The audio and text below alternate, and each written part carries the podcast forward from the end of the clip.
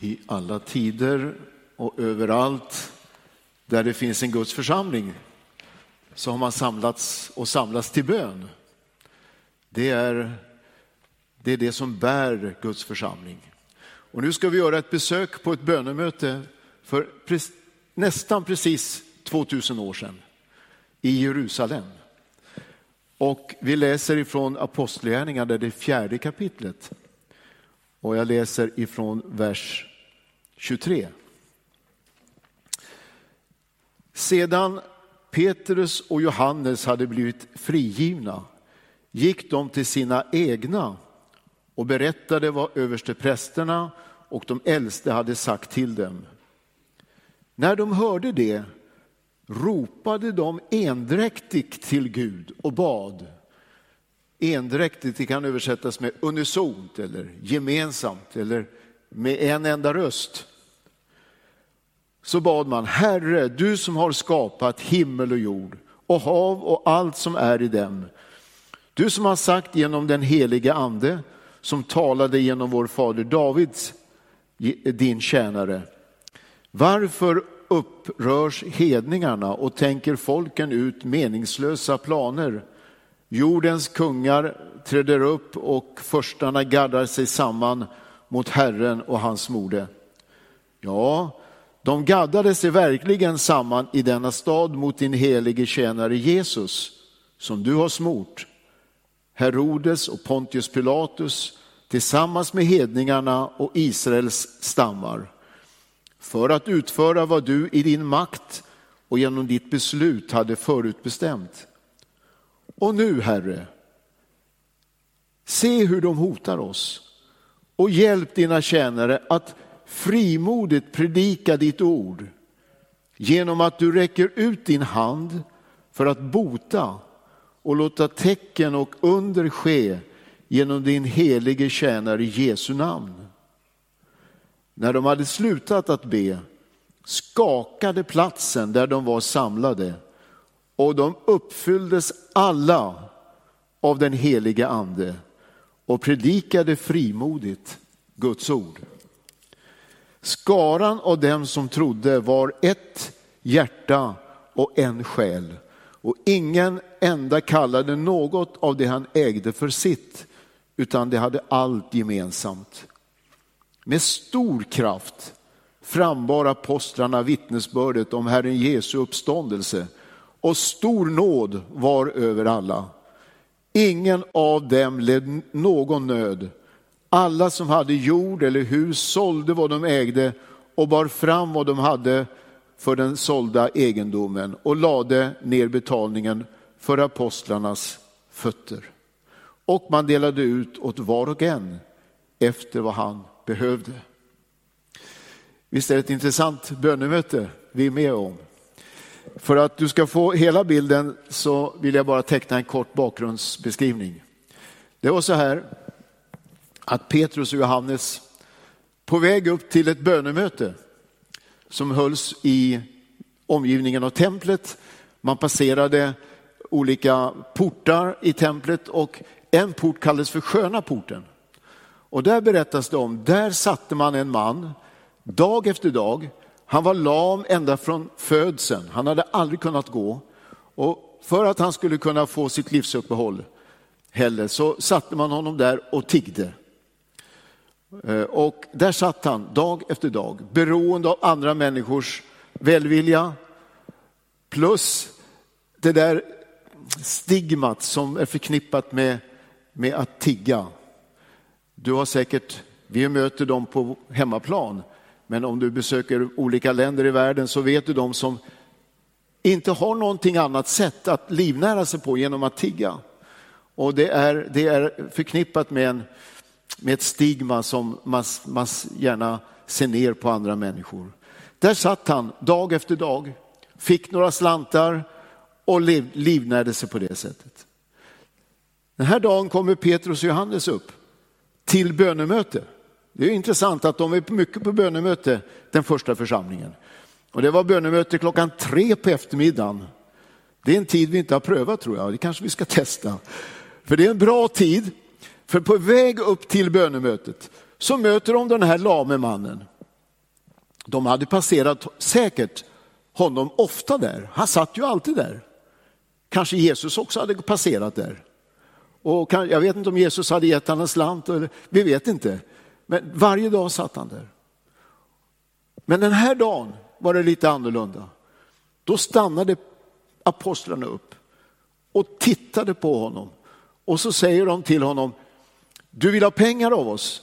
Vi har inget. Apostlarna var fattiga, de hade inte silver, inget guld. Silver och guld har vi inte, men vi har någonting och det ska vi ge dig. Och han tittade upp i förväntan att få något. Så tog de honom vid handen och så sa de i Jesu Kristi Nazarens namn, stå upp och gå. Och han som aldrig hade kunnat gå, han som hade suttit där dag efter dag och sen sin, han var 40 år gammal den här mannen och aldrig kunnat gå. Men när de tar honom och reser honom upp så bär fötterna och benen honom. Och han börjar gå och han börjar berättas om, han börjar springa och hoppa och prisa Gud, överlycklig över undret som hade skett. Men det var, det var, det var han som var lycklig. Men översteprästerna, det står att, och rådet, stora rådet, de blev upprörda. Oj, det här tyckte de var ju väldigt jobbigt. Och framför allt att apostlarna undervisade i Jesu namn. För det hade de förstått, att predikan om Jesus och att de använde Jesu namn, där fanns det någon hemlighet till det som hände kring den nya rörelsen. Och översteprästerna och Stora rådet hade en stor viktig samling och man kallade in apostlarna och man gick till rätta med dem och man sa, det förstår ni att ni kan inte hålla på och predika i Jesu namn. Och så hotar man dem och så säger man till dem, vi förbjuder er att predika i Jesu namn. Petrus och Johannes, de, de tittar på varandra, de tittar på, på eh, översteprästerna och så säger de, ja men snälla ni, vi kan inte låta bli att tala om det vi har sett och hört. Eh, är, är det rätt tycker ni att vi lyder er mer än Gud? Ja, det, det höll de ju inte med om, utan det var en sträng förordning. Ni får absolut inte undervisa eller tala i Jesu namn. Tänk att de hade förstått att hemligheten i den första församlingen och i alla tider är namnet Jesus. Det är där kraften finns, det är där befrielsen finns, det är där hälsan finns. Det förstod man och det var det man förbjöd dem. Vad gör de då? Jo, det står att de gick till sina egna. De lämnade den här rådsförsamlingen och så gick de till sina egna. Jag tycker om det där uttrycket.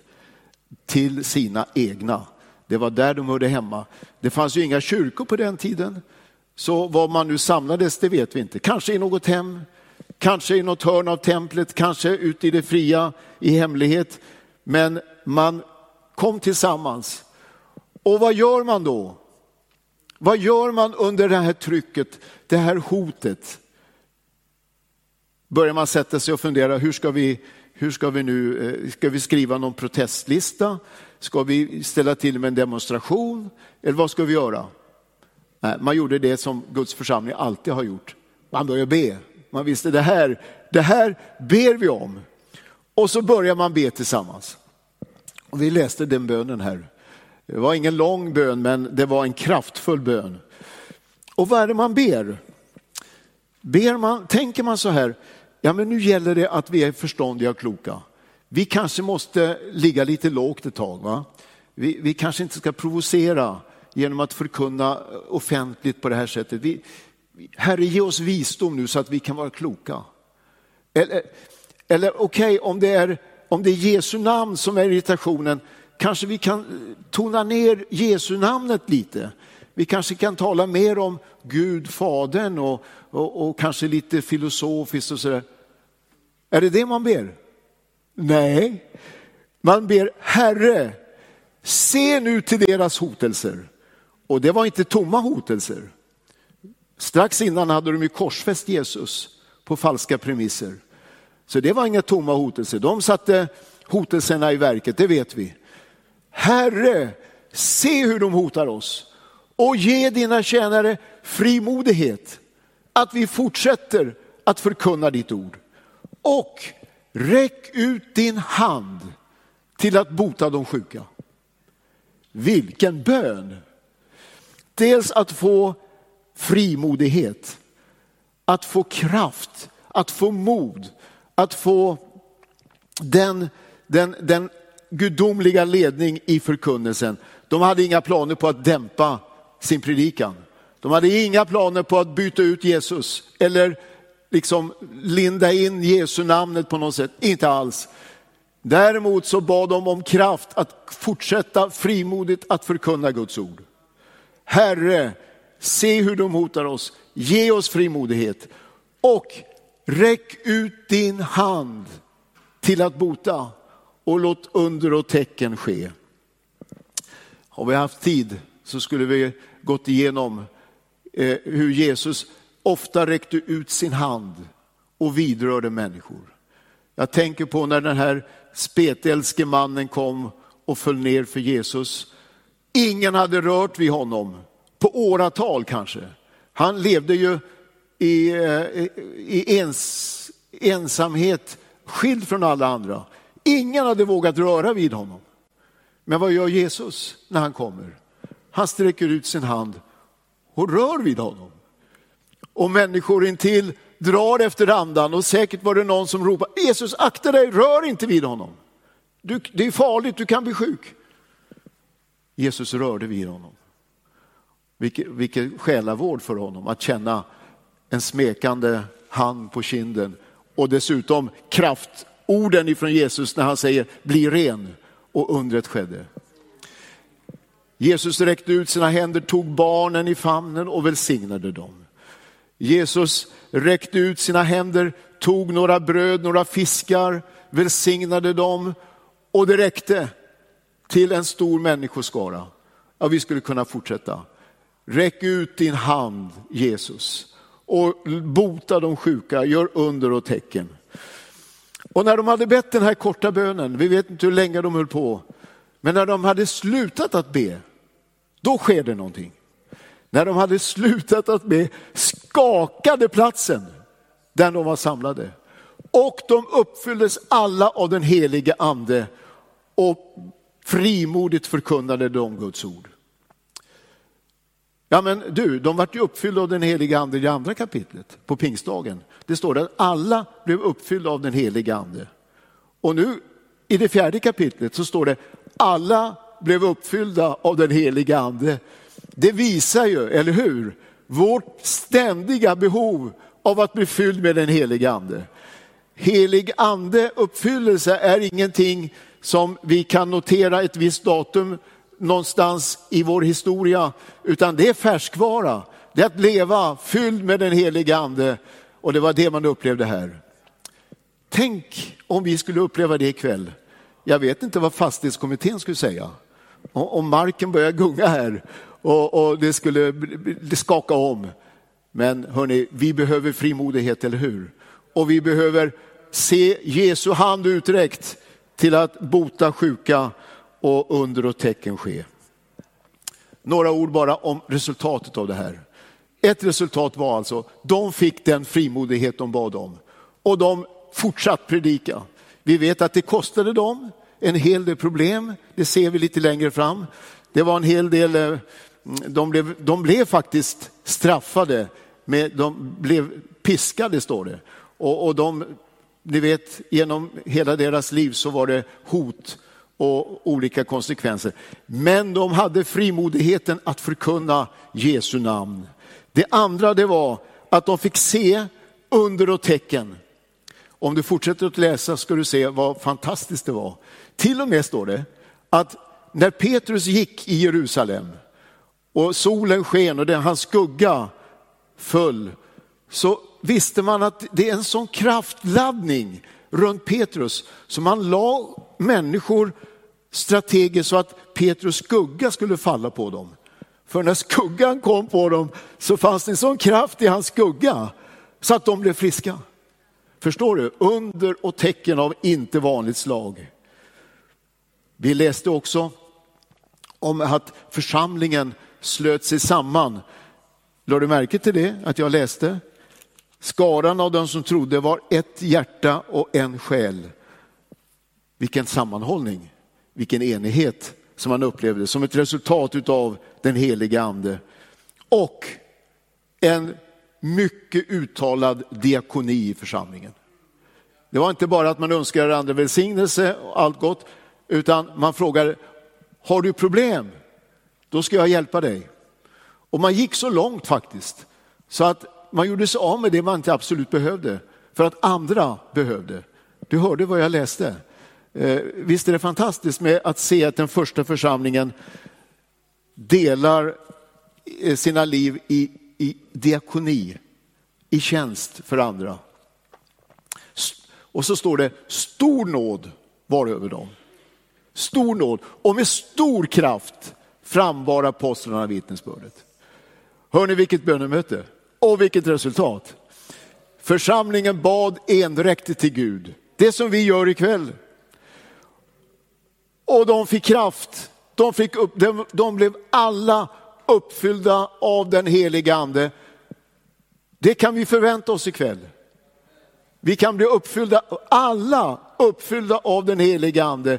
Och även du som är med på skärmen hemma, du kan få uppleva fylld, att du blir fylld av den heliga ande, precis där du är nu ikväll. Och så ber vi Herre om frimodighet att förkunna namnet Jesus. Och vi ber Herre, räck ut din hand också i Eskilstuna. Rör vid människor, låt under och tecken ske genom Jesu namn. Amen. Herre, tack för det här underbara bönemötet. Tack Herre att du skakade om platsen där de var samlade. Och tack att den helige ande fyllde dem alla med den kraft, med den frimodighet, med det de behövde just då. Och nu Herre, ser du oss ikväll. Och vi ber gemensamt, Herre, låt den helige ande falla på samma sätt över oss och ge oss frimodighet och låt den helige ande få verka i det att du räcker ut din hand i vår tid och rör vid människor. I Jesu namn. Amen.